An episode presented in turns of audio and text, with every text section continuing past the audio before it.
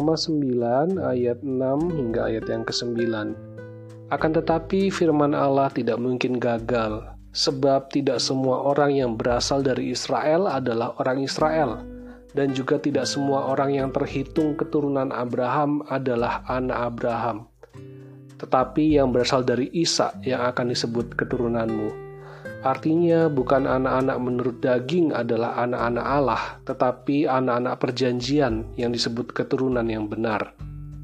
Sebab firman ini mengandung janji, pada waktu seperti inilah aku akan datang dan Sarah akan mempunyai seorang anak laki-laki.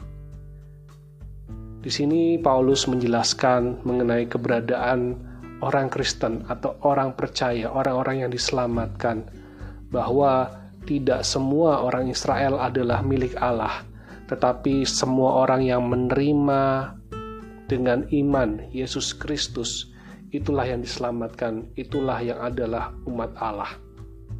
Ketika ada banyak orang Yahudi yang menolak Kristus, apakah rencana Allah gagal? Tidak, Allah tidak gagal.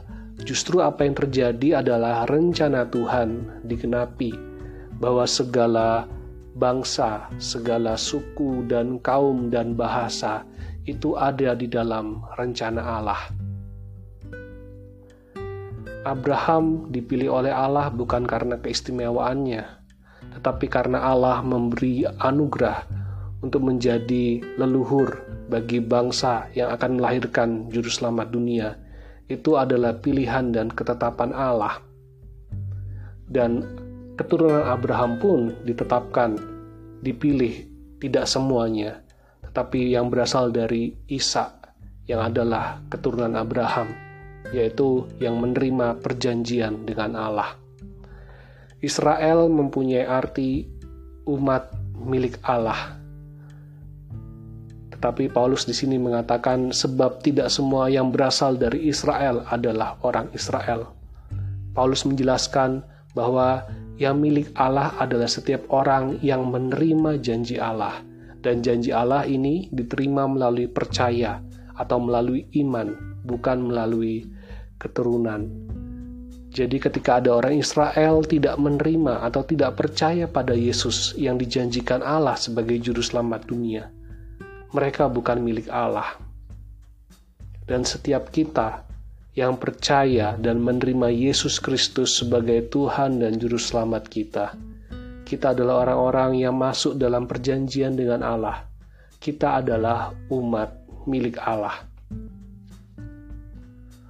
Lalu, bagaimana kita mengetahui siapa saja yang adalah umat Allah? Kita tidak bisa tahu secara pasti, tidak bisa tahu secara nampak fisik atau luar, tetapi rencana Allah adalah bagi segala bangsa oleh sebab itu, sebagai umat milik Allah yang telah ditebus dan diselamatkan, mari kita juga ambil bagian dalam penggenapan rencana Allah untuk menjadikan segala bangsa murid Yesus, yaitu melalui apa yang sudah Tuhan percayakan pada kita. Mari kita dukung pekerjaan misi pemberitaan Injil. Mari kita sisihkan waktu kita untuk mendoakan para pekerja misi mari kita sisihkan sebagian uang kita untuk mendukung kebutuhan mereka di ladang-ladang misi. Mari kita juga mendukung pelayanan misi dengan memikirkan bagaimana dapat membangun dan membantu pemberitaan Injil lebih luas lagi melalui media-media maupun buah pikiran kita. Mari kita juga belajar untuk bisa terlibat memberitakan Injil secara sederhana kepada sesama kita, kepada orang-orang terdekat kita yang belum mendengar Injil. Mari kita siapkan diri kita. Mari kita pertanggungjawabkan iman kita di hadapan Tuhan dan sesama. Kiranya Allah Roh Kudus memimpin dan memberikan keberanian bagi kita untuk boleh memberitakan Injil bagi orang-orang di sekitar kita. Mari kita terus semangat. Solideo Gloria.